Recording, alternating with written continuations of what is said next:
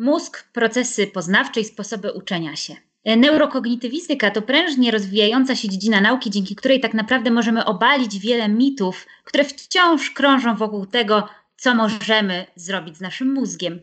O tym, czy naprawdę możemy podnosić swój iloraz inteligencji, wyciskać z umysłu coraz więcej, porozmawiam z moimi e, i waszymi dzisiejszymi gośćmi, e, którzy zgodzili się przyjąć zaproszenie w ostatniej chwili. Prywatnie moi serdeczni przyjaciele, Aleksandra Kołodziej, e, doktorantka Uniwersytetu SWPS, neurokognitywistka, laureatka grantów badawczych i stypendiów e, Ministerstwa Nauki i Szkolnictwa Wyższego oraz Narodowego Centrum Nauki, działająca w Fundacji Mózg oraz Mikołaja Magnuskiego, naukowca, również laureata licznych grantów oraz stypendiów, pracownika Uniwersytetu SWPS. Witam Was bardzo serdecznie i cieszę się, że jesteście tutaj dzisiaj ze mną. Witamy i również się cieszymy. Również się cieszymy, tak jest. Dla tych z Was, którzy biorą udział w naszym e, webinarze na żywo, po pierwsze bardzo dziękuję Wam za tak liczną obecność. E, cieszę się, że będziecie tutaj mogli dyskutować razem z nami. Przypominam, że po prawej stronie ekranu znajdziecie okienko czatu, w którym już od teraz możecie zadawać pytania naszym dzielnym naukowcom. My się postaramy odpowiedzieć na jak największą ilość tych pytań, ale żeby nadać to na naszej dyskusji, to ja zacznę może od razu od tego głównego pytania, e, które tutaj było tytularne dla naszego webinaru. Czy trening mózgu działa? To znaczy, czy są jakieś sposoby, w których my faktycznie możemy ten nasz mózg trenować? Mhm. Myślę, że najlepsza odpowiedź, która bardzo często niestety w psychologii funkcjonuje, to jest tak i nie, czyli to zależy. I myślę, że najlepiej w ogóle zacząć od tego, po pierwsze, co my rozumiemy przez to, że trening działa, jakie treningi mamy na myśli, bo prawdopodobnie mówimy o treningach mózgu, tak, tych, które przynajmniej um, tak się tytułują. Oczywiście każdy rodzaj jakiegoś ćwiczenia czy nauki odbywa się poprzez zmiany funkcjonowania mózgu. E, to są po prostu jakieś ćwiczenia, zwykle komputerowe, e, które reklamują się bardzo często skutecznością. I teraz właśnie, jaka, jaka to jest skuteczność? Więc, żeby zrozumieć, na czym polega w ogóle trening, czy jak mierzymy jego skuteczność, dobrze pomyśleć sobie, czy zrozumieć zagadnienie tak zwanego transferu. I tu mówimy o transferze bliskim lub transferze dalekim. E, zazwyczaj od takich treningów oczekujemy tego transferu dalekiego, czyli to, że trenując różnego rodzaju zadania, treningi dostępne na portalach, będziemy mogli również e, przenieść te uzyskane umiejętności na takie codzienne życie. To znaczy, że poprawi nam się pamięć, poprawi nam się koncentracja, uwaga. E, I to jest ten transfer daleki, którego my zazwyczaj oczekujemy. Natomiast transfer bliski to jest to, co faktycznie osiągamy w tych treningach. Czyli jeżeli wielokrotnie wykonujemy jakieś zadanie, wchodzimy na coraz wyższe poziomy, to my faktycznie się trenujemy w tym zadaniu, natomiast to jest trening w tym konkretnym zadaniu. My jesteśmy coraz lepsi, ale w tym jednym zadaniu. Niekoniecznie tak. jest to takie bezpośrednie przeniesienie na inne zadania, czy ogólnie na nasze funkcjonowanie poznawcze. Myślę, że tu można zastosować w ogóle taką metaforę. Kiedy się zastanowimy nad tym, jak na przykład aktor przygotowuje się do swojej roli, no to musi zapamiętać no, czasami bardzo dużo tekstu, który później wygłasza z pamięci. No i aktorzy oczywiście wraz z tym, jak ćwiczą uczenie się tego tekstu, zapamiętywanie go, to coraz lepiej im idzie zapamiętywanie tekstu. Ale to byłby ten transfer bliski. Natomiast nie znaczy to wcale, że mają w ogóle lepszą pamięć. Także warto pamiętać o tym rozróżnieniu transferu bliskiego i transferu dalekiego, czyli przeniesienia na inne zagadnienia. No dobra, to będę Was e, męczyć o to dalej. Ja nie jestem neurokognitywistą, nie jestem specjalistą w zakresie e, neuronauki, ale kiedy wchodzę na przykład do księgarni, to widzę całą masę pozycji, które mówią: wytrenuj swoją pamięć w dwa tygodnie, w miesiąc, bądź bardziej kreatywna w trzy tygodnie. I pewnego razu spojrzałam na takie książki, one często opierają się na różnego rodzaju, na przykład zadaniach matematycznych, e, czy rozpoznawaniu figur, przerysowywaniu odpowiednich kształtów, czy zapamiętywania e, ciągu sylab to w jaki sposób ja, jako laik, jako ktoś, kto nie ma, nie ma takiej wiedzy jak wy, a jednocześnie no, chciałby e, te swoje różne umiejętności polepszyć, mogę to rozróżnić. Czy ja no. powinnam w ogóle ulegać takim e, zachętom, wyćwicz swoją pamięć w trzy tygodnie? No na pewno należy zachować duży sceptycyzm, e, dlatego że oczywiście każdy z nas chciałby sobie wytrenować pamięć, e, podnieść intelekt, e, w, najlepiej w bardzo krótkim czasie. I faktycznie taki pomysł też przyświecał naukowcom i już ponad 15 lat temu powstały, około 15 lat temu powstały badania, które bardzo poruszyły środowisko naukowe i nie tylko, i mówiły o tym, że jeżeli będziemy trenować sobie pamięć roboczą, e, to mamy szansę podnieść sobie poziom naszego intelektu. No któż by nie chciał, każdy by chciał. Natomiast e, ponieważ temat był bardzo gorący i się interesował nie tylko świat nauki tym, ale również biznesu czy przeciętne osoby, to powstawało coraz więcej badań. I na przestrzeni tych wszystkich lat wiemy, że te badania wcale nie są jednoznaczne. Wręcz e, coraz więcej badań wskazuje na to, że to wcale nie jest takie proste e, i nie jesteśmy w stanie tego zrobić takimi prostymi zabiegami, jakie są nam proponowane. Mhm. Czyli i, i znów warto tu pamiętać o tym transferze. To znaczy, jeżeli będziemy przerysowywać te figury, czy uczyć się zapamiętywać ciągi cyfr, to pewnie w tych konkretnych zadaniach będziemy lepsi. Natomiast to wcale nie znaczy, że poprawi nam to poziom w ogóle funkcjonowania poznawczego, czy inteligencji tym bardziej. I tu nawet, bo Ola właśnie mówiła, były jakieś badania na początku optymistyczne na ten temat. Oczywiście rzadko kiedy w nauce możemy wyciągnąć twarde wnioski na podstawie jednego czy tylko kilku badań. No i po tych już wielu latach mamy tych badań sporo i można zrobić takie, można powiedzieć, zbiorcze analizy, które, tak zwane metaanalizy, które biorą te wszystkie badania do kupy razem i próbują wyciągnąć z nich w sposób usystematyzowany jakieś wnioski. No i wygląda na to, że te efekty treningów poznawczych, czy tak zwanych tych treningów mózgu są albo bardzo słabe, te treningi, te, te efekty dalekie, ten transfer daleki, czyli wpływ na ogólne tak, funkcjonowanie. Tak, na tak, jest albo bardzo słaby, albo w zasadzie go w ogóle nie ma. Mhm. Mikołaj, tak. wspominasz, aha, mhm. wspominasz często o funkcjonowaniu poznawczym. Jakbyś tak. mógł wyjaśnić w kilku słowach, co to jest, jak mamy to rozumieć? Mhm. No, najczęściej w psychologii funkcjonowanie poznawcze rozumiemy przez szereg różnych funkcji naszego umysłu. Na przykład pamięć, uwaga, e, czy też coś, o czym mówiła wcześniej Ola, tak zwana pamięć robocza. To można powiedzieć, że jest taka funkcja na styku pamięci i uwagi, czyli jak na przykład zapamiętujemy na krótko jakiś e, zestaw informacji, na przykład powtarzamy sobie w głowie czyjś numer telefonu. Tak, także to są, to są tego rodzaju zagadnienia, tego rodzaju funkcje umysłowe. Natomiast ogólnie często mówi się, że pod ich spodem jest jakaś taka generalna e, sprawność umysłowa, którą często nazywamy inteligencją. Mhm. Okej, okay. a czy uczenie się nowych rzeczy pozwala nam na poprawę tego funkcjonowania poznawczego? To, to może ja zacznę.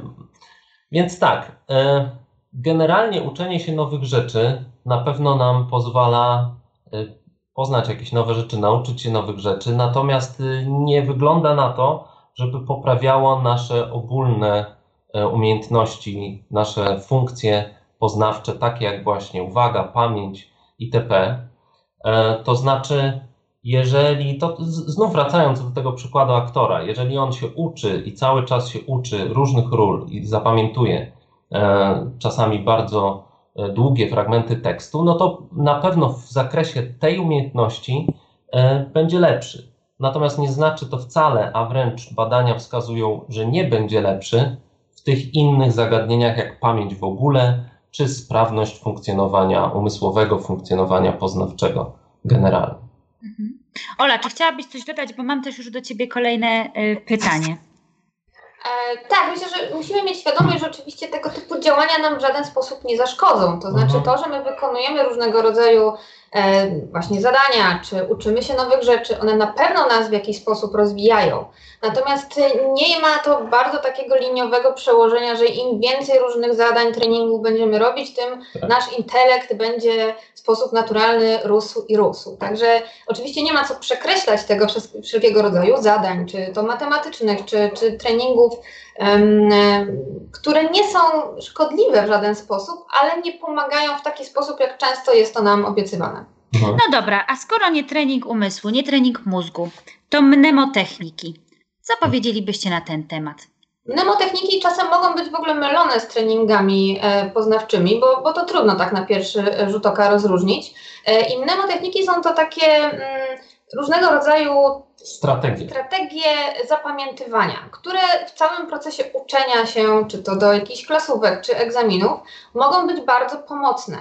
Jest faktycznie w tym przypadku szereg badań naukowych, które wskazują na to, że one są skuteczne. Natomiast co to znaczy, że są skuteczne? Znowu nie mówimy tutaj o tym, że jeżeli się nauczymy tych strategii, technik, mnemo, mnemotechnik, e, no to będziemy poprawiali niesamowicie nasze funkcje poznawcze.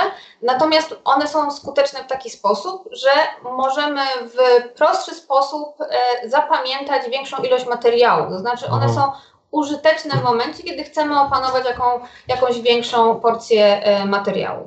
Na przykład, bo często te strategie, e, te mnemotechniki są stosowane do zapamiętywania jakichś szeregów e, cyfr, jakichś liczbowych danych, jak dat na przykład, i polegają na tym, że my sobie przekodowujemy z takiego dosyć abstrakcyjnego kodu, jakim są cyfry, informacje na jakiś, który jest dla nas łatwiejszy do zapamiętania, bardziej wyrazisty. Zwykle to są obrazy.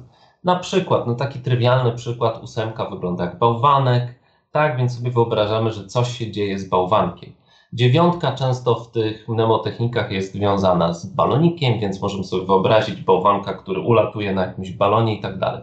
Generalnie układamy sobie jakąś historię, przekodowując cyfry na, na jakieś obrazy. I to rzeczywiście to są takie zabiegi, które są skuteczne, natomiast to są strategie, one nie zmieniają w sposób trwały jakiegoś funkcjonowania ogólnego naszego mózgu, nie sprawiają, że jesteśmy bardziej inteligentni, aczkolwiek rzeczywiście mogą być bardzo wartościowymi umiejętnościami, jeżeli chodzi o przyswajanie informacji. Mhm. Patrycja dopytuje, jakich technik w takim razie należałoby używać, aby zdobyta wiedza w trakcie nauki była efektywniejsza, czyli aby nie zapomnieć tego wszystkiego po kilku dniach? Myślę, że tutaj warto zacząć od tego w ogóle, jak się przygotować do takiej nauki. To znaczy nie szukać magicznych środków, bo to jest to, co my chcemy przekazać, że nie ma w tym momencie żadnych magicznych metod, dzięki którym będziemy w ciągu 30 dni o wiele bardziej inteligentni i wszystko będzie szło nam dużo szybciej. Natomiast warto pamiętać o takiej higienie nauki, to znaczy nigdy niekorzystny jest bardzo długi maraton e, nauki. To znaczy, jeżeli musimy się przygotować do egzaminu, lepiej, żebyśmy sobie E, ten czas e, nauki rozłożyli na jakieś części. Ważne, żebyśmy pamiętali. Systematyczność. Tak, tak ważne, żeby to było systematyczne.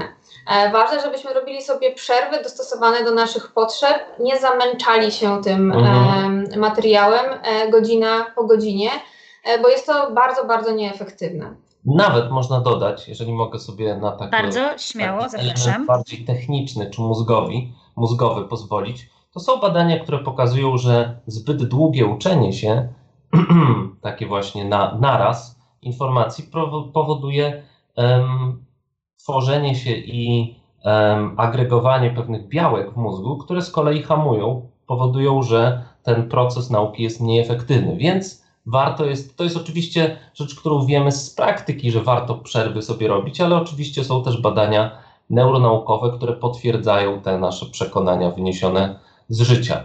I, hmm. i warto, myślę, jeszcze powiedzieć o tym, że y, o czym czasem się zapomina, że na przykład narzędzia takie jak testy, które bardzo często wykorzystujemy do tego, żeby mierzyć czyjąś wiedzę, faktycznie są to bardzo dobre narzędzia do uczenia się. Jest szereg też badań naukowych, które potwierdza e, tę tezę, mianowicie kiedy e, uczymy się w taki sposób, że nie pasywnie powtarzamy jakiś tekst na przykład z książki, ale musimy aktywnie wydobyć z pamięci informacje, tak jak to się często dzieje w przypadku testów.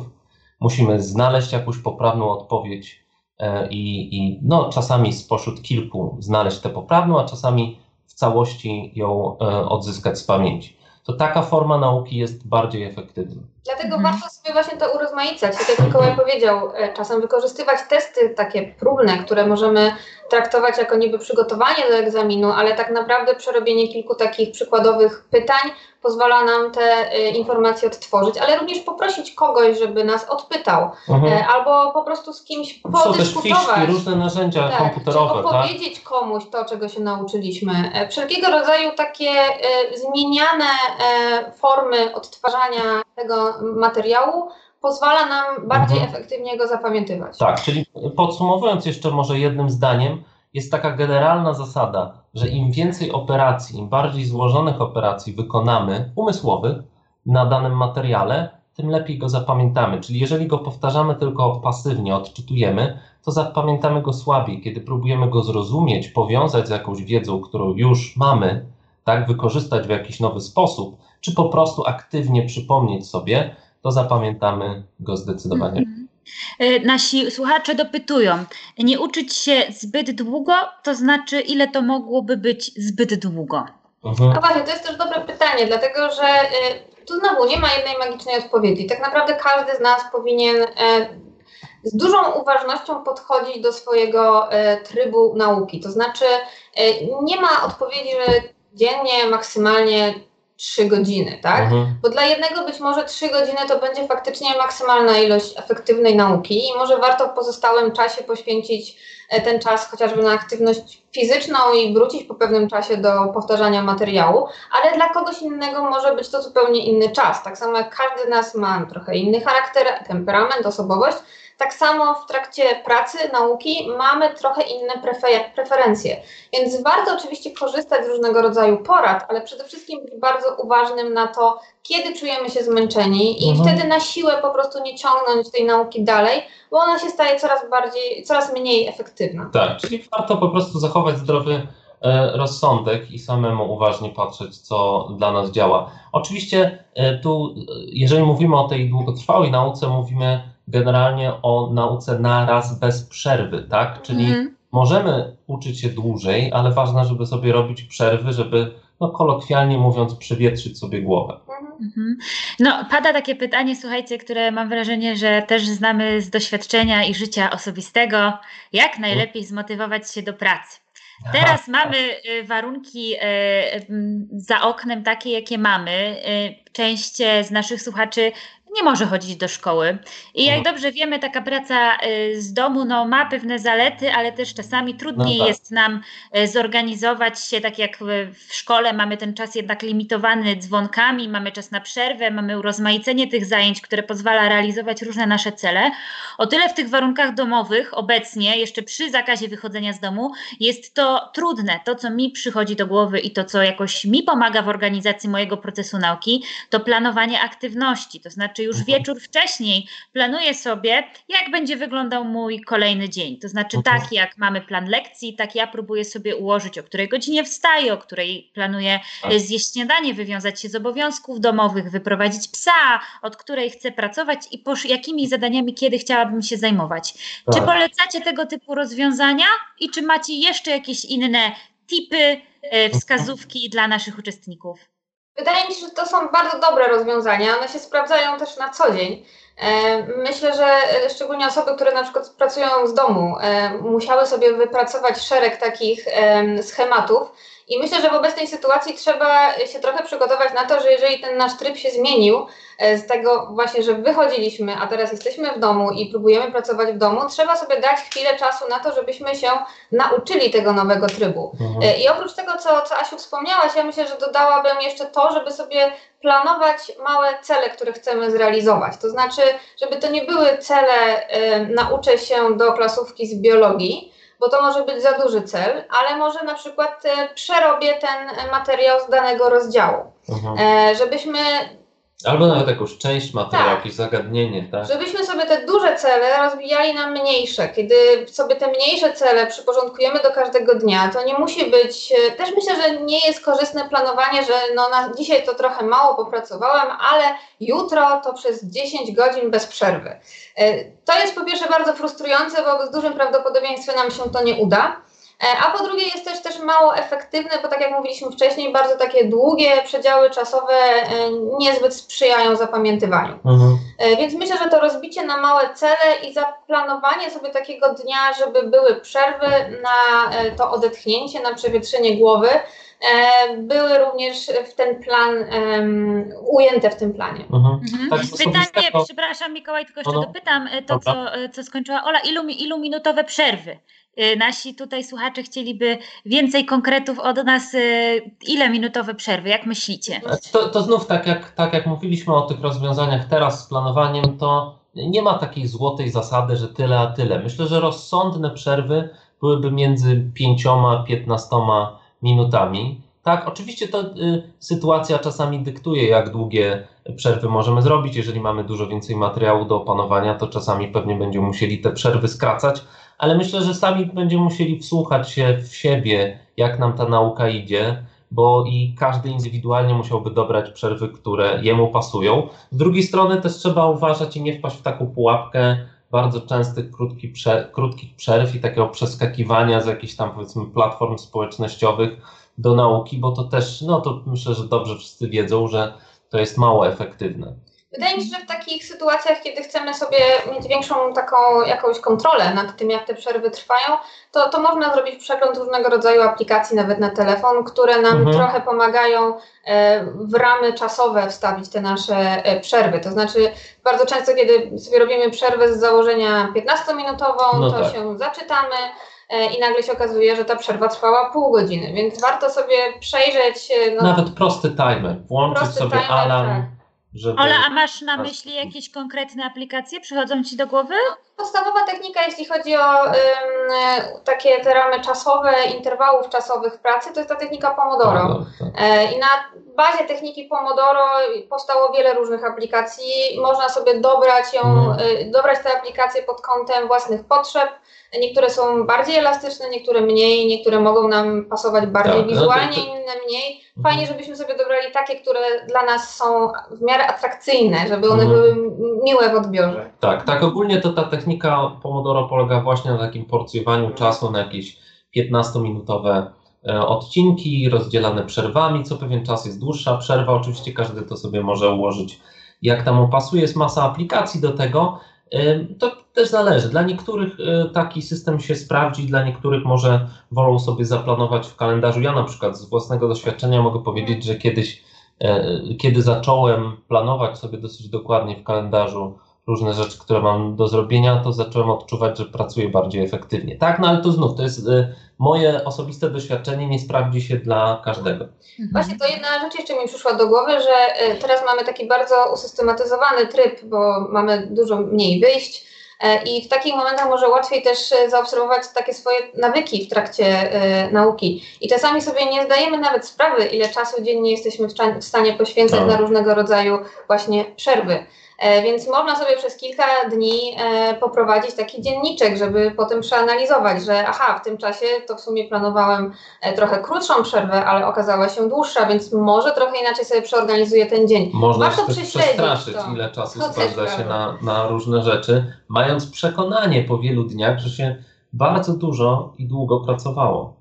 No. Dobrze, Ola, słuchaj, ty jesteś znanym i lubianym dydaktykiem e, na Uniwersytecie SWPS. Mikołaj, ja nie mówię, że ty nie jesteś znanym i lubianym. Ja, ja jestem, ja Jednocześnie też. prowadzisz e, taki przedmiot jak statystyka, który nie zawsze e, jest darzony dużą sympatią, ale to o stereotypach to może sobie porozmawiamy później. Natomiast Ola, jakie ty byś miała rady i porady dla tych, którzy teraz siedzą w domu, dotyczące organizacji tego już samego czasu pracy.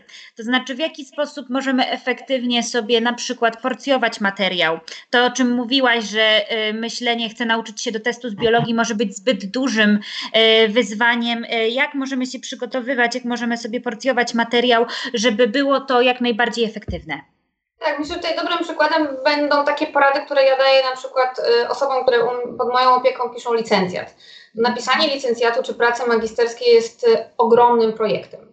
I nie można powiedzieć, że ok, to teraz napiszę licencjat, tak? Musimy wiedzieć od czego zacząć. Więc y, ja zawsze radzę, żeby zanim siądziemy do pracy, żebyśmy się zastanowili, jakie składowe wchodzą w skład tego zadania, które mamy właśnie wykonać. Czyli jeżeli się musimy zapoznać z bardzo dużą częścią materiału, e, podzielmy sobie go na części. E, nie róbmy tego w taki sposób właśnie pasywny, jak mówiliśmy wcześniej, czyli repetytywnie powtarzamy, czytamy non-stop to samo. Spróbujmy sobie z tego na przykład w sposób, który nas satysfakcjonuje. E, róbmy notatki na przykład, czyli e, róbmy sobie, zorganizujmy sobie tabelę, którą będziemy systematycznie uzupełniać i po kilku dniach możemy wrócić do tych informacji, które sobie wynotowaliśmy. O, to ja się może tu mhm. tylko wtrącę, mo możemy też przygotowywać ściągawki, nawet jak z nich nie skorzystamy. Nie zalecam tutaj korzystania czy ściągania przy testach, ale sam proces tworzenia takiej ściągawki, takiej podpowiedzi, y, bardzo wspomaga czasami ucz uczenie, bo musimy przemyśleć y, mhm. głębiej materiał. Tak, i to też mi przypomina jeszcze jedną rzecz, bo w dzisiejszych czasach, w dobie tego, że głównie pracujemy na takich materiałach elektronicznych, trochę czasem zapomina, mamy dużą taką tendencję do przekopiowywania na przykład rzeczy, które są ważne. I bardzo często moi studenci, kiedy robią przegląd literatury do swoich prac, e, nawet jeżeli zorganizują sobie tabelę, w której zapisują najważniejsze rzeczy albo jakieś dokumenty, to przekopiowują z artykułów albo z książek fragmenty, które wydawały mhm. się dla nich ważne. E, ja ich bardzo wtedy proszę, żeby oni nie kopiowali tego na zasadzie kopiuj, wklej i że sobie to tam jest, tylko żeby napisali te trzy zdania własnymi słowami. Mhm. E, czasami, jeżeli to jest literatura anglojęzyczna, nawet mogą to przetłumaczyć na polski, ale jeżeli nawet to w tym samym języku pracujemy, e, to warto nie robić, nie przepisywać wprost, tylko pisać to tak, jak my zapamiętujemy. Mhm. Często w takich momentach łapiemy się, że jednak coś nie jest tak jasne, jakby nam się wydawało. Mhm. Słuchajcie, ale nasi, my tu rozmawiamy o studentach, a nasi słuchacze stoją przed dużo bardziej poważnym wyzwaniem niż tutaj raptem studiowanie, bo matura. Czy wy jeszcze mhm. pamiętacie, jak to kiedyś było? Przed tą maturą. Tak. Jak my możemy wesprzeć, stosując te y, znane nam realia tych naszych maturzystów? To znaczy, jak Ola mówisz o tych tabelach? Czy to na przykład mogłoby się również sprawdzić w przypadku przypominania sobie treści lektur? Tych lektur było co niemiara z języka polskiego. Jak, jak byście to widzieli? Co moglibyście zasugerować też? Jakie narzędzia warto wykorzystać, żeby sobie ten proces nauki urozmaicić? Jak najbardziej, to znaczy y, tutaj po raz kolejny myślę, że powtórzymy to, że warto, żeby każdy dopasował tę metodę do siebie. Można przetestować, po kilku dniach stwierdzić, że to chyba jednak nie jest dla mnie, ale warto testować. To nie muszą być oczywiście tylko tabele, mogą to być jakieś mapy myśli, mogą być to po prostu notatki pisane strona po stronie w założonym e, zeszycie, w którym będziemy sobie wypisywać te notatki. Mhm. Natomiast tworząc tego rodzaju materiały, myślę, że warto pamiętać o tym, żeby nie zapisywać tam absolutnie wszystkiego.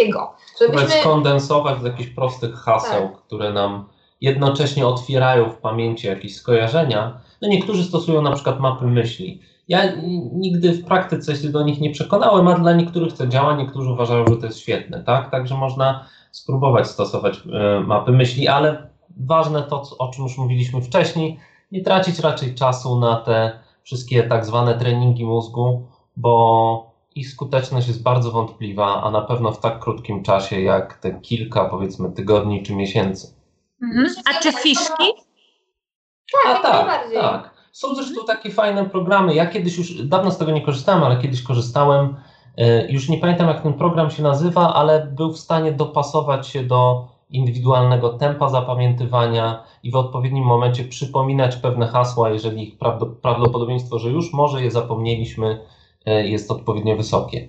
Słuchaj, Mikołaj, to ja zobowiązuję Cię do tego, że prześlesz mi te wszystkie nazwy aplikacji Jasne, i jak tylko ta rozmowa e, pokaże się na Facebooku Uniwersytetu SWPS, to w komentarzu wpiszemy wszystkie e, nazwy aplikacji, których polecacie, tak żeby nasi uczestnicy mogli sobie z nich skorzystać. Ja też tak sobie pomyślałam, Ola, wspominałaś o tym, że też rozmowa, uczenie się z kimś, dyskutowanie, zadawanie sobie pytań może być wspierające w tym procesie uczenia się myślę sobie, że to e, bardzo fajna i ważna technika, przydatna w obecnych e, chwilach, kiedy te nasze sytuacje spo, społeczne i relacje spotkały się z pewnym ograniczeniem, tym mhm. bardziej możemy zadzwonić do przyjaciółki, kolegi, koleżanki i wzajemnie odpytać się z zadanych e, treści materiału. Dziękuję Ci, Miko, że podkreślasz to, że treningi e, mózgu nie są e, efektywne w kontekście, w jakim są reklamowane. E, ja nie wiem, czy pamiętacie taką e, firmę jak Lumosity. Mhm, tak. Jak najbardziej. Tak. Mhm. Czy moglibyście też coś o tym powiedzieć, na ile zgubne może być e, reklamowanie e, pewnych tak. usług w ten sposób? No więc firma Lumosity to chyba była jedna z największych firm właśnie w sposób komercjalny e, promująca te wszystkie tak zwane treningi mózgowe. To była cała platforma online, gdzie można było, oczywiście po zarejestrowaniu, uiszczeniu jakiejś opłaty, można było wykonywać serię takich różnych minigierek, które były sprzedawane jako e, mające poprawić nasze funkcjonowanie w życiu codziennym, ale co ważniejsze, ta firma też poszła na tyle daleko, dalej, tak. tak, że sugerowała, że to może opóźnić na przykład pewne choroby jak Alzheimer, czy poprawić funkcjonowanie właśnie w różnych zaburzeniach psychologicznych na przykład. I, I w tym zakresie, e, no to możesz dalej powiedzieć, Ola, oni musieli w końcu zapłacić chyba 2 miliony kary. Tak, tak.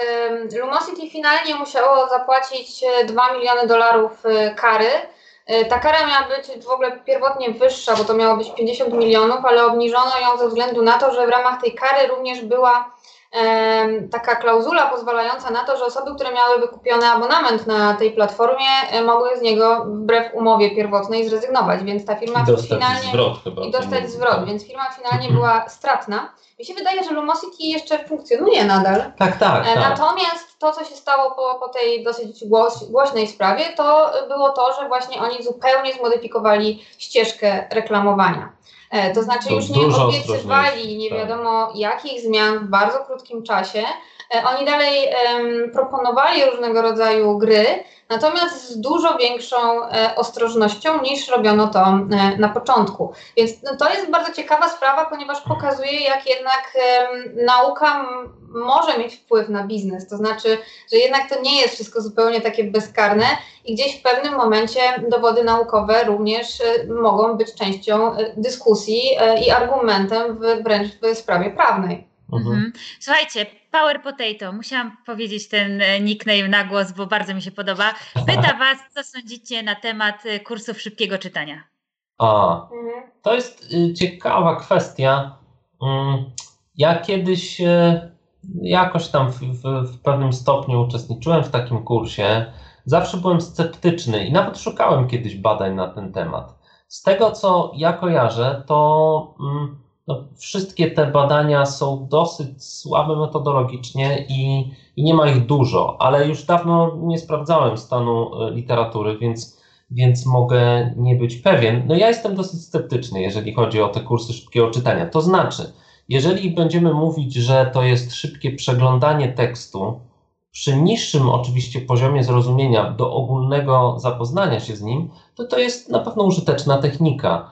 E, natomiast nie należy oczekiwać, że po kursie szybkiego czytania my trudne e, lektury, na przykład no, my często mhm. spotykamy się z tekstami naukowymi, które są pewne specyficznego nazewnictwa, tak, i, i dosyć gęste, jeżeli chodzi o, o wiedzę, która jest w nich prezentowana, to nie należy oczekiwać, że tego rodzaju teksty będziemy czytać szybko i z takim samym zrozumieniem, czy co przy uważniejszym, wolniejszym przeczytaniu. Tu znów to jest ta sama zasada.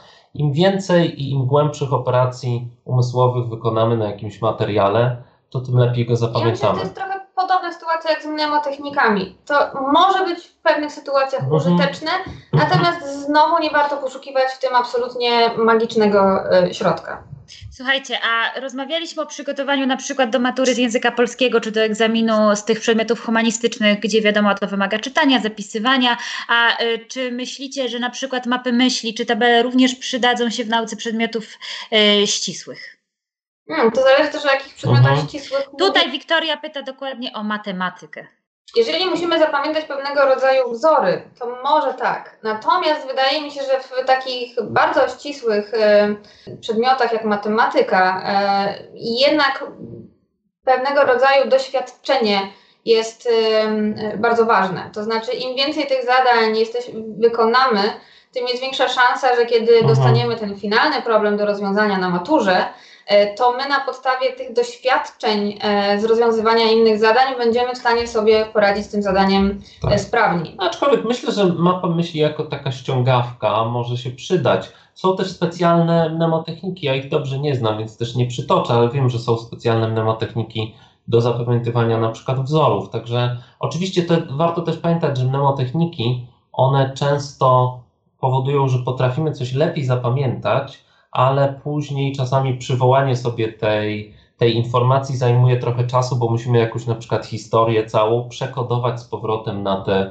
wartości liczbowe. Tak, chociaż teraz e... sobie myślę, że jeżeli mamy jakiś trudny problem matematyczny do rozwiązania mhm. i uda nam się z nim uporać, mhm. to warto być może sobie w takiej sytuacji właśnie rozrysować taką mapę naszego rozumowania Mhm. E, nie na zasadzie takiej, żeby ją po prostu wykuć na pamięć e, i się odwoływać w konkretnych momentach, ale mhm. żeby te wszystkie kroki, przez które przeszliśmy naszego logicznego myślenia, przejść ponownie w sposób taki bardzo e, logiczny, uporządkowany tak. i, i taki rozumny. No tak, tak. Mhm. Mikołaj, czuję, że to pytanie skradnie Twoje serce. Y, gry komputerowe i mechaniki nimi operujące mogą zostać przeniesione na nasze życie codzienne ze świetnym skutkiem. Czy można gameryzację czy gamifikację y, wy- życia wykorzystać w nauce? Co ty na to? Tak, myślę, że to, to jest w ogóle bardzo ciekawe odkrycie, które trochę o nas mówi jako, jako istotach. E, jako organizmach żywych, że tak bardzo, takie proste czasami zabiegi, jak jakiś progres bar, zbieranie punkcików czy mm. gwiazdeczek, potrafi nam dać e, dużą motywację. Tu zresztą pojawił, pojawił się ten problem dotyczący motywacji. Ja mam często wrażenie, że e, czasem, jeżeli czeka nas jakieś du duże, trudne zadanie do wykonania, to większy mamy problem z tym, żeby właśnie tę barierę motywacyjną przekroczyć, czyli mhm. żeby się zmusić żeby coś zrobić i pewnie w takich sytuacjach taka gamifikacja e, może się przydać. Ja sam mogę się przyznać, że kiedyś za czasów e, liceum nie miałem do tego żadnego programu, więc korzystałem z jakichś karteczek. Robiłem sobie coś w rodzaju takiej gamifikacji, gdzie sobie dodawałem jakieś tam gwiazdeczki, czy zapełniałem progres bary e, tego, co musiałem się nauczyć. Zwykle to dotyczyło rzeczy, których się chciałem uczyć, a niektórych musiałem, ale myślę, że jako dodatkowy motywator w tych rzeczach, które nas zbytnio nie cieszą, tak, a trzeba to daje takie poczucie, nauczyć. że kolejny krok wykonaliśmy, tak? Że tak, może tak, było trudno tak. nam się zebrać, e, ale te, nie wiem, dwie godziny usiedliśmy nad czymś, udało nam się troszeczkę tego więcej e, wykonać, I mimo że było trudno. Z tego, co kojarzę, to jest trochę takich narzędzi właśnie, na przykład narzędzie do planowania zadań, które też nie pamiętam, jak to się nazywa, ale jest ubrane w szaty gry RPG, gdzie zdobywamy doświadczenie, za wykonywanie zadań awansujemy, mamy kolejne poziomy itp. W ten sposób swoje życie na przykład zawodowe i wykonywanie pewnych zadań, czy właśnie przygotowywanie się naukę możemy ubrać w takie trochę bardziej atrakcyjne. Słuchajcie, Mikołaj jest świetnym e, wspierającym naukowcem, e, zna dużo aplikacji, tylko nie pamięta nazw, zatem jeszcze tak, raz uspokajam tak. pytanie, pytania, przekażemy je Wam w komentarzach. Obiecuję, że dostaniecie Państwo e, te, te informacje wraz z udostępnieniem naszego webinaru, ale Sandra też się dzieli takim doświadczeniem, że ona ma coś takiego i myślę, że nie tylko Sandra, bo mi się też to zdarza i wierzę, że Wam też, że jak ona widzi jakiś tekst, na przykład, nie daj Bóg jeszcze po angielsku, i on jest strasznie długi, to ona już od razu wpada w panikę, że ona nic nie zrozumie i y, że w ogóle nie chce tego dotykać, nie chce sięgać do tego tekstu, nie dam rady, dziękuję, do widzenia. Mhm. E, czy też tak macie i jak możemy sobie pomóc w takich sytuacjach? Ja myślę, że każdy ma taki swój obszar, y, gdzie reaguje w podobny sposób i, i to jest zupełnie naturalne i, i zrozumiałe. E, natomiast myślę, że, że faktycznie e, nie ma co się w takich sytuacjach rzucać na głęboką wodę i nie możemy sobie stawiać wymagania, że przez e, ostatnie dwa tygodnie właśnie byliśmy ogarnięci taką paniką i przerażeniem, ale dzisiaj to już na pewno przeczytam cały i, i będzie, będzie to super efektywne. Myślę, że tutaj znowu bym to dzieliła po prostu na, na mniejsze części, że, że nie musimy tak tego przykładowego tekstu e, czytać naraz, bo to może być bardzo męczące i frustrujące i, i mało efektywne. E, załóżmy sobie, że podchodzimy każdego dnia do fragmentu e, i, i przeforma, przeformułujemy sobie myśli z tego właśnie w formie krótkich podsumowań. I takimi małymi krokami, które jeszcze nie zdążą nas aż tak bardzo sfrustrować, dążyć do, do tego celu przeczytania całości. A jeżeli chodzi specyficznie o czytanie właśnie tekstów w obcych mhm. językach, ja pamiętam kiedyś miałem taką technikę, żeby się nie zamęczać tym, no bo czasami czytamy jakiś tekst i jakieś wyrażenie, jakieś słowo nie jest dla nas jasne, żeby nie męczyć się cały czas skakaniem między słownikiem. Teraz oczywiście to jest łatwiejsze, bo mamy różne narzędzia online, żeby szybko słowa sprawdzić, ale robiłem coś takiego, że najpierw sobie próbowałem ogólnie zrozumieć tekst na tyle, na ile nie rozumiem pewnych słów, żeby wyłapać o co chodzi, podkreślałem sobie te słowa, które, które były dla mnie trudne, których nawet trudno było czasami może zrozumieć dokładnie z kontekstu i później po jakimś przeczytaniu fragmentu tekstu dopiero przechodziłem do sprawdzenia tych, tych terminów. Tak, to jest prawda, bo faktycznie możemy utknąć na takiej dużej ilości małych problemów, e, które nas bardzo zdążą zniechęcić. No więc mm. tak, faktycznie to jest bardzo też fajna porada. Ja sobie też tak pomyślałam, e, że często e, w świecie nauki e, i w ogóle w świecie społecznym mamy takie zjawiska jak stereotyp. Mhm. I mamy również stereotypy, stereotypy dotyczące różnych naszych możliwości w pewnych zakresach. Jeden z takich dużych i no, podzielanych stereotypów, ja podkreślam, że stereotyp to nie jest prawda, to to, że na przykład kobiety są słabsze, dziewczyny są słabsze z przedmiotów ścisłych, co prowadzi z kolei do takiego mechanizmu trochę wyuczonej bezradności. To znaczy, skoro ja jestem dziewczyną i wszyscy dookoła mówią, że dziewczyny są słabsze z matmy, no to znaczy, że ja jestem słabsza z matmy i w zasadzie to już trochę nie ma sensu, żebym ja się tej matematyki uczyła, no bo już jestem słabsza z matmy. Co więcej, badania wskazały, że nawet nauczyciele zaindukowani tym stereotypem potrafią mniej e, sprawnie przekazywać wiedzę, mniej efektywnie przekazywać wiedzę na przykład dziewczynom e, niż e, chłopcom. Więc to też tak w skrócie mówiąc o myśleniu o tym, ja, że sobie nie dam rady, że sobie nie poradzę i tak. jak do tego podejść.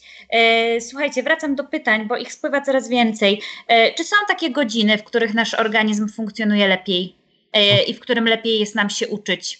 Ja nie wiem, chyba pamiętam kiedyś była taka e, informacja, że tam o trzeciej w nocy nasz umysł jest najbardziej efektywny i pa pamiętam, że, że też jacyś moi znajomi potrafili bu nastawiać budzik na trzecią w nocy, żeby tam przyswoić jakieś rzeczy do egzaminu, bo, bo wierzyli, że to będzie bardziej efektywny czas.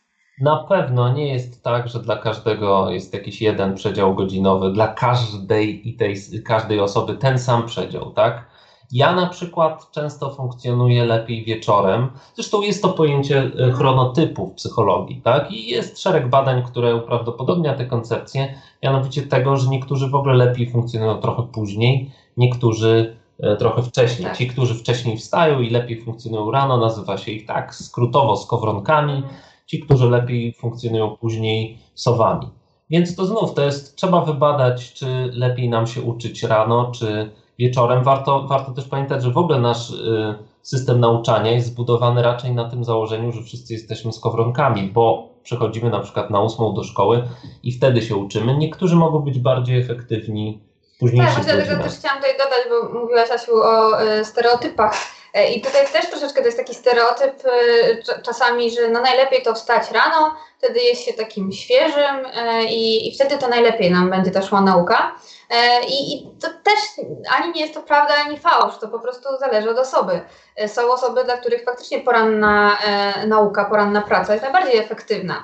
E, natomiast nie ma co walczyć ze sobą, kiedy obserwujemy, że nam się lepiej e, uczyć popołudniami. Po prostu warto się do tego e, w miarę możliwości oczywiście, no bo jeżeli regularnie chodzimy e, do szkoły w takim standardowym trybie, E, nie, nie jak teraz, to, to, no, to niestety, to, to tak jak Mikołaj wspomniał, to, to nie jest korzystne dla wszystkich chronotypów.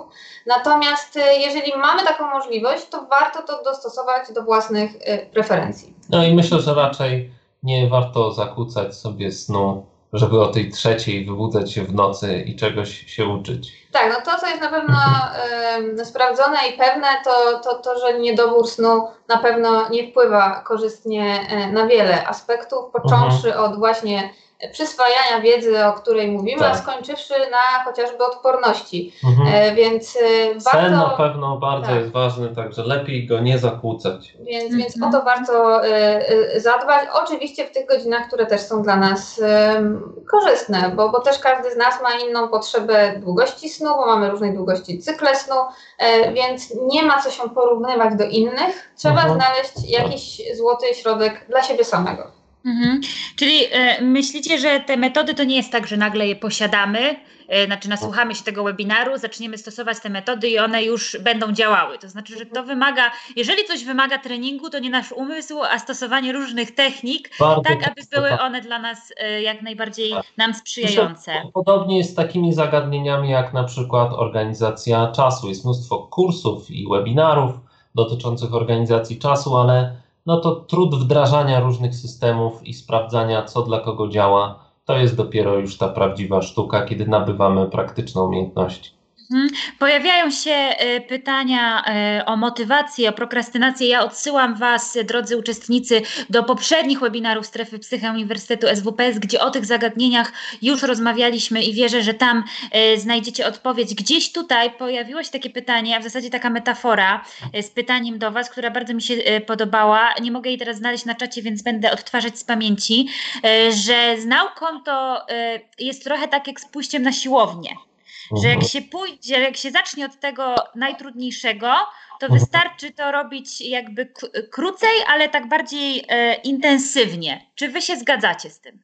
Znaczy, na pewno jest tak, że podobnie jak nasze mięśnie mają pewną wytrzymałość, tak też my, jeżeli chodzi o nasze funkcjonowanie umysłowe, mamy pewne granice. To znaczy, e, umiejętność skupiania uwagi na dłuższy czas jest ograniczona, więc z czasem ta nasza uwaga będzie no, bardziej skłonna odpłynąć na, e, na inne zadania. I w tym sensie może tak warto w, intensywnie, to znaczy na przykład może lepiej sobie e, wyczyścić zakładki, zostawić na komputerze tylko to, co jest nam potrzebne e, do, do danego zadania, do uczenia się i zabrać się po prostu konkretnie za to zadanie intensywnie i później zrobić sobie przerwę. To mi teraz jeszcze też przyszło do głowy, to oczywiście też mm, być może każdy ma inne preferencje, ale mi czasami pomaga taki sposób organizacji pracy, że na przykład zdaję sobie sprawę, że praca nad danym zagadnieniem jest, wymaga ode mnie więcej wysiłku. Więc ja nie robię tak, że nieracjonalnie stwierdzam, że cały jeden dzień będę nad mhm. tym właśnie pracować, mhm. tylko ponieważ wiem, że to akurat mnie bardziej męczy właśnie poznawczo. E, to ja planuję sobie na to na przykład dwie godziny każdego dnia. I pozostałe y, godziny w danym dniu wykorzystuję na inną pracę, która, y, czy, czy, czy naukę czegoś, która jest y, dla mnie trochę mniej męcząca. Mhm. E, więc można sobie tak troszeczkę um, dzielić te dni, tak żeby nie skupiać się tylko na czymś, co wiemy, że jest dla nas bardzo obciążające, bardzo trudne, albo nie przepadamy się akurat tego uczyć, tylko sobie tak dzielić te dni na, na części, bardziej żeby były bardziej wyważone może. Mm. Czyli już tak mówiąc, y, Olu, przykładowo, czyli jeżeli na przykład mamy trudność z matematyką, to warto tę matematykę y, praktykować po dwie godziny y, dziennie, a nie na przykład urządzać sobie ośmiogodzinny maraton pod tytułem tak, tak. matematyka. Okej, okay, myślę. Będzie wtedy do tego zabrać, a też pamiętamy, mówiliśmy już o tym, systematyczność i tu można pewnie też tę metaforę siłowni mhm. zastosować systematyczność jest dla nauki bardzo tak, ważna. Tak, a jeżeli była mowa o motywacji, to myślę, że dużo łatwiej będzie się zmotywować do e, przetrwania dwóch godzin, czy godziny nawet e, nauki czegoś, za czym nie przepadamy, mhm. że potem mając e, no, coś w formie nagrody, w formie nauki czegoś, co już lubimy i sprawia Na nam przyjemność. Za każde rozwiązane zadanie matematyczne kawałek czekolady. O. o.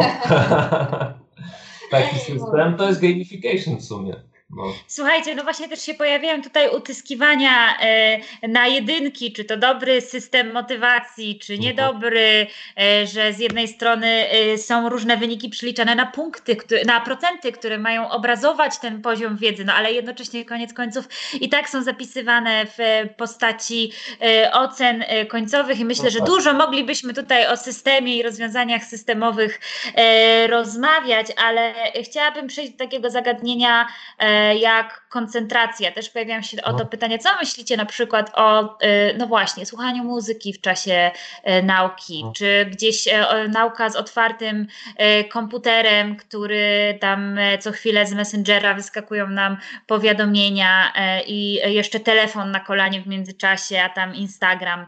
Mhm.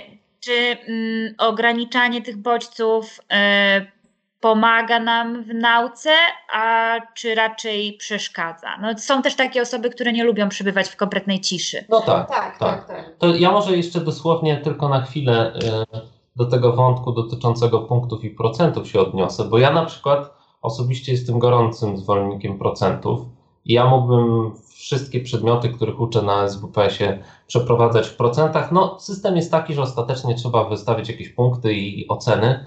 Myślę, że najlepsza odpowiedź, dlaczego tak jest, to jest e, odpowiedź, którą kiedyś dostaliśmy na poczcie, to znaczy ktoś tak to kiedyś wymyślił i tak to już jest. Co nie znaczy, że to się nie zmieni. Może się okazać, znaczy problem pewnie jest taki, że ostatecznie trzeba podjąć decyzję, czy ktoś opanował dobrze materiał, czy nie. I takie uproszczenie tego, w jaki sposób, w jakim stopniu opanował materiał e, w postaci właśnie stopni, czasami jest proste, co nie znaczy, że to jest szczególnie w naszych czasach doskonały system. A wracając, A wracając do tak. pytania, tak. mhm. E, to no, oczywiście idealistycznie byłoby umieć siebie samego tak kontrolować, abyśmy mogli e, się wyciszyć i żeby nas te wszystkie zakładki właśnie nie rozpraszały. Jeżeli to zupełnie nam nie wychodzi, to również są takie wtyczki do, e, do przeglądarki w komputerze, gdzie możemy sobie z góry zaplanować, że na przykład w godzinach między 11 a 18 na przykład pewnych stron nie możemy włączyć. Wtedy się pojawia na przykład taki komunikat, a czy przypadkiem nie powinieneś teraz pracować. Mhm. No to już takie e, drastyczne samo usadzenia, tak, w, w ramach. Natomiast czasem to bywa faktycznie skuteczne, tak. skuteczne tak. ponieważ każdy z nas na pewno zna, że mimo, że chcemy się nad czymś skupić, to jesteśmy rozproszeni i gdzieś tam nas ciągnie do tych stron, mhm. na które regularnie zaglądamy. Ale mówiłaś właśnie o tym, o pracy w ciszy, bądź pracy z jakimś dźwiękiem. Ja na przykład całkiem nieźle pracuję w ciszy, może nie kompletnej ciszy, ale to też zależy od zadania. Czasami, jeżeli jest jakieś trudne zadanie, nad którym muszę się skupić, to jak ktoś do mnie zaczyna mówić i podchodzi, to rzeczywiście to potrafi być irytujące. Więc to pewnie też zależy od materiału, jaki przerabiamy, czy zadania, jakie nas czeka. Ale też na przykład niektórzy lubią się uczyć i bardzo im pomaga yy, muzyka, żeby się właśnie wyciszyć, odciąć od tego zewnętrznego świata, na przykład puścić sobie muzykę na słuchawkach do nauki no to też zależy. Ja na przykład nie potrzebuję, Ola, ty preferujesz ja się w pewnym momencie faktycznie tak. nauczyłam, kiedy musiałam pracować w pomieszczeniu, w którym nie byłam sama, tylko jeszcze były inne osoby, które również pracowały w tym samym miejscu. E, I zupełnie w przypadkowy sposób się uwarunkowałam na jedną playlistę, którą miałam. I w tym momencie faktycznie jak wracam do tej playlisty i zakładam słuchawki na głowę, to gdzieś jestem już e, jakby wyuczona, że to jest ten czas pracy. A, e, tak, tak, można tak. sobie też takie skojarzenia, oczywiście też trzeba nad tym chwilę popracować, ale ja w tym momencie faktycznie mam zestaw piosenek, e, które mnie nie angażują tak, że ja się wsłuchuję mhm, w tekst na tak, przykład, bo już tak. je znam na tyle dobrze, że e, Oczywiście w pewnym momencie mogą nam się znudzić, ale do momentu, kiedy nam się nie nudzą, to ja automatycznie teraz mam skojarzenie, że aha, jest mhm. komputer, są słuchawki i jest ta muzyka, to to oznacza, że teraz jest czas pracy. Tak, to jest w ogóle ważna rzecz, o której wcześniej nie powiedzieliśmy, że warto sobie, przynajmniej u niektórych to dobrze działa, wypracować taki rytuał. To mhm. znaczy, nawet czasami, mimo że siedzimy w domu, to kiedy zaczynamy pracę czy naukę, to ubrać się w jakiś taki, może nieformalny, nie to żebyśmy się w garnitur ubierali, ale w jakieś porządne ubranie i później to powoduje właśnie taki sygnał, o którym mówiła Ola, że bardziej no, my, nasz mózg, czy generalnie mamy szereg sygnałów, które nas informują i skłaniają z powrotem do tego, żeby pracować. Także, Czyli nie praktykujemy tak zwanego efektu piżamy. Tak, tak, tak. Myślę, tak, to, to jest dobre określenie. No, rozleniwiające. Tak, tak jest. No dobra, zwłaszcza teraz, kiedy nie możemy już wyjść do szkoły, co zmuszało nas jednak do ubrania się, wyjścia z domu, e, zorganizowania odpowiednich e, czynności, warto sobie e, ten rytm przywracać. Tosia pyta, a co z e, takim podziałem na wzrochowców, słuchowców, czuciowców i tak dalej? To ma zastosowanie? Czy faktycznie e, my możemy osoby e, w tym podziale wspierać w przygotowywaniu materiału odpowiedniego do ich sposobu przetwarzania?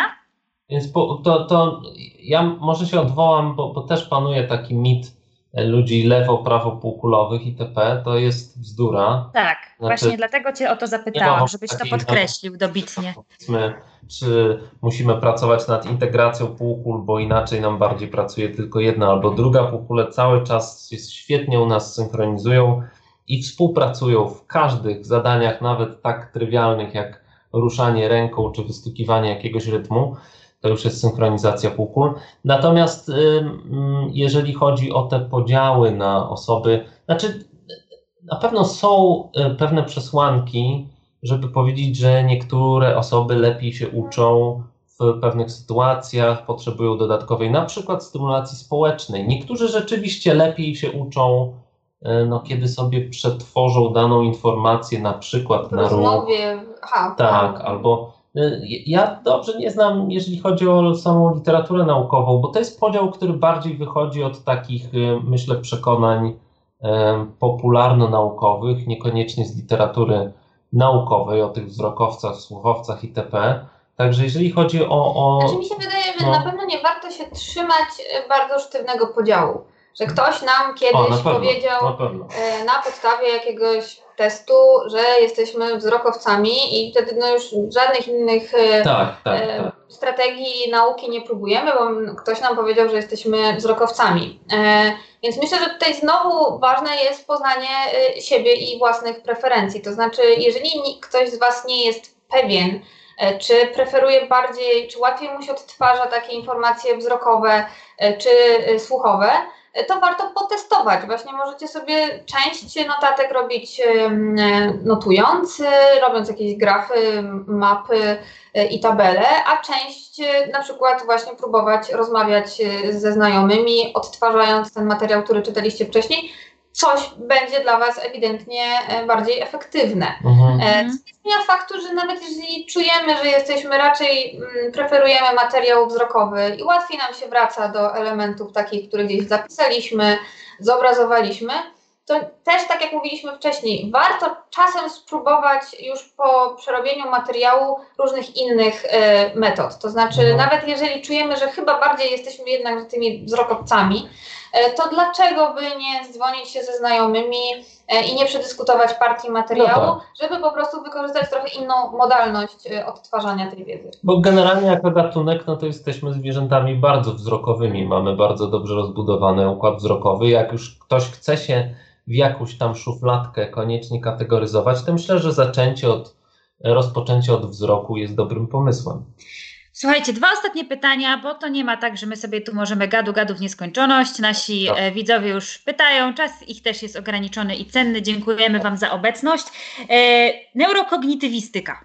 Mhm. To jest taka nauka, że ja pamiętam, że jak zaczynałam studiowanie na Uniwersytecie SWPS lat temu kilkanaście, to e, z trudem przychodziło mi e, wymówienie tego słowa. Czym się zajmuje ta nauka i co takiego się stało, że się nią zajęliście? Mhm. No więc y, to może ja zacznę neurokognitywistyka. Generalnie to jest taka, jest, jest szereg różnych dyscyplin, które można, mm, można im przypisać ten, ten, tę nazwę neurokognitywistyka, ale ogólnie więc można powiedzieć, że to jest taka część nauki na styku psychologii i właśnie biologii, gdzie się zastanawiamy, jak pewne zachowania, jak pewne funkcje psychologiczne, czy jak pewne właśnie zagadnienia, którymi, no, o których normalnie mówimy w psychologii, jak przekładają się na funkcjonowanie mózgu, tak? Czyli jak pewna aktywność mózgu jest powiązana z pewnymi psychologicznymi funkcjami, na przykład pamięcią, uwagą itp. Mhm. A co takiego się stało, że na to padł wybór, Ola? A. No. No, mój wybór dosyć e, wcześnie w sumie e, został dokonany. E, akurat tak się zdarzyło, że e, gdzieś się zainteresowałam taką wąską dziedziną e, wewnątrz neuronauki właśnie, czyli neuroestetyką. Ja zawsze się bardzo interesowałam sztuką i zaczęło mnie fascynować właśnie to, w jaki sposób nasz mózg może odbierać dzieła sztuki. E, I od tego faktycznie zaczęłam i później zaczęłam się zastanawiać, e, że faktycznie nasze, nasze życie jest niezwykle złożone. Każdego dnia wykonujemy wiele e, czynności, e, wiele myśli, uczuć, emocji. E, No i co się dzieje w takim razie w naszym mózgu? E, I im częściej sobie te pytania zaczęłam e, zadawać, tym bardziej zaczęło mnie to faktycznie fascynować. Następnie do tego doszły różnego rodzaju pytania dotyczące zaburzeń, które również mogą mieć swoje źródło w funkcjonowaniu mózgu. No, no i tak faktycznie Mhm. nadal ta dziedzina mnie fascynuje.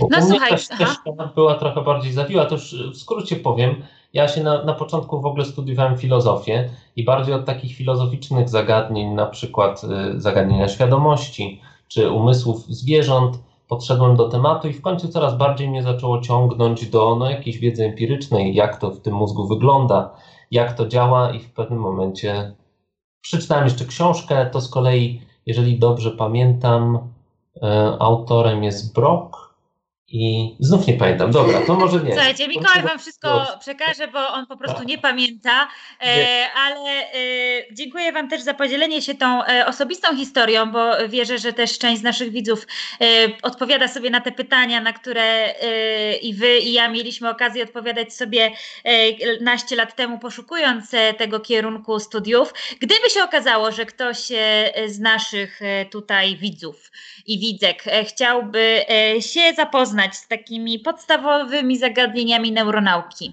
albo chciałby mm, poczytać coś o pamięci, uwadze, koncentracji, to jakie książki byście polec polecili? To ja się może zrehabilituję, bo tutaj mam odpowiedź dobrą. To Dawaj. jest co prawda podręcznik, ale napisany bardzo lekkim, bardzo lekkim językiem i bardzo w sposób taki naprawdę wciągający. Czyta się to jak, e, może nie jak powieść, ale prawie że. E, to są biologiczne mechanizmy psychologii e, i to jest autorem jest biologiczne podstawy psychologii, autorem jest Kalat. To jest podręcznik i to jest zresztą podręcznik, który świetnie przygotowuje, czy w części pokrywa materiały, które się przerabia na takiej neurokognitywistyce, ale z podręczników myślę, że cechuje się tym, że jest napisany bardzo fajnym językiem, czyta się go bardzo przyjemnie. Ola? Taką książkę, która e, jest dużo bardziej popularno-naukowa. Natomiast e, miałam okazję kiedyś ją recenzować, więc e, wiem, że nie ma tam faktycznie mm, tych mitów, o których dzisiaj mówiliśmy, a jest napisana bardzo też lekkim językiem. To jest książka Mózg rządzi, bodajże norweskiej autorki, której nazwiska nie podejmę się wymówić teraz. E, natomiast myślę, że to jest taka pozycja e, bardzo, bardzo e, lekka i przy niej można gdzieś faktycznie się tą dziedziną zafascynować. Mhm. Słuchajcie, dziękuję Wam bardzo za to, że byliście. W ogóle to była straszna przyjemność e, i przygoda e, spotkać się z Wami e, nie przyjacielsko, ale przyjaźnie na webinarze. Dziękuję Wam za wiedzę i za osobiste, za dzielenie się osobistym doświadczeniem. Dziękuję bardzo serdecznie naszym widzom i widzkom za udział w webinarze. Oczywiście zapis będzie dostępny na Facebooku, a także w formie podcastów na Spotify, SoundCloud, iTunes i Lekton. Bierzcie i dzielcie się ze swoimi znajomymi znajomymi, którzy szykują się do egzaminów, e, zwłaszcza e, w obecnej sytuacji, być może kogoś to wesprze, tak jak wspominaliśmy, zobowiązujemy się do tego, żeby w komentarzu e, na Facebooku dodać wszystkie treści, wszystkie tytuły, nazwy tych rzeczy, których Mikołaj nie pamiętał. Natomiast, no cóż, nie, nie, nie wyciniamy tych fragmentów, jakie nie pamiętałem. Mikołaj, to było live, nic się nie wytnie. Bardzo dziękuję. Sprawa pójdzie w świat. E, trzymam kciuki za Was, e, za e, wszystkie egzaminy, przed którymi stoicie i za to, żebyście znaleźli swoją drogę do znalezienia tego sposobu uczenia się, który będzie dla Was najbardziej korzystny. Raz jeszcze dziękuję Ola i Mikołaj. Słowo na koniec. Dziękuję Państwu bardzo. Żegnam się. Do zobaczenia.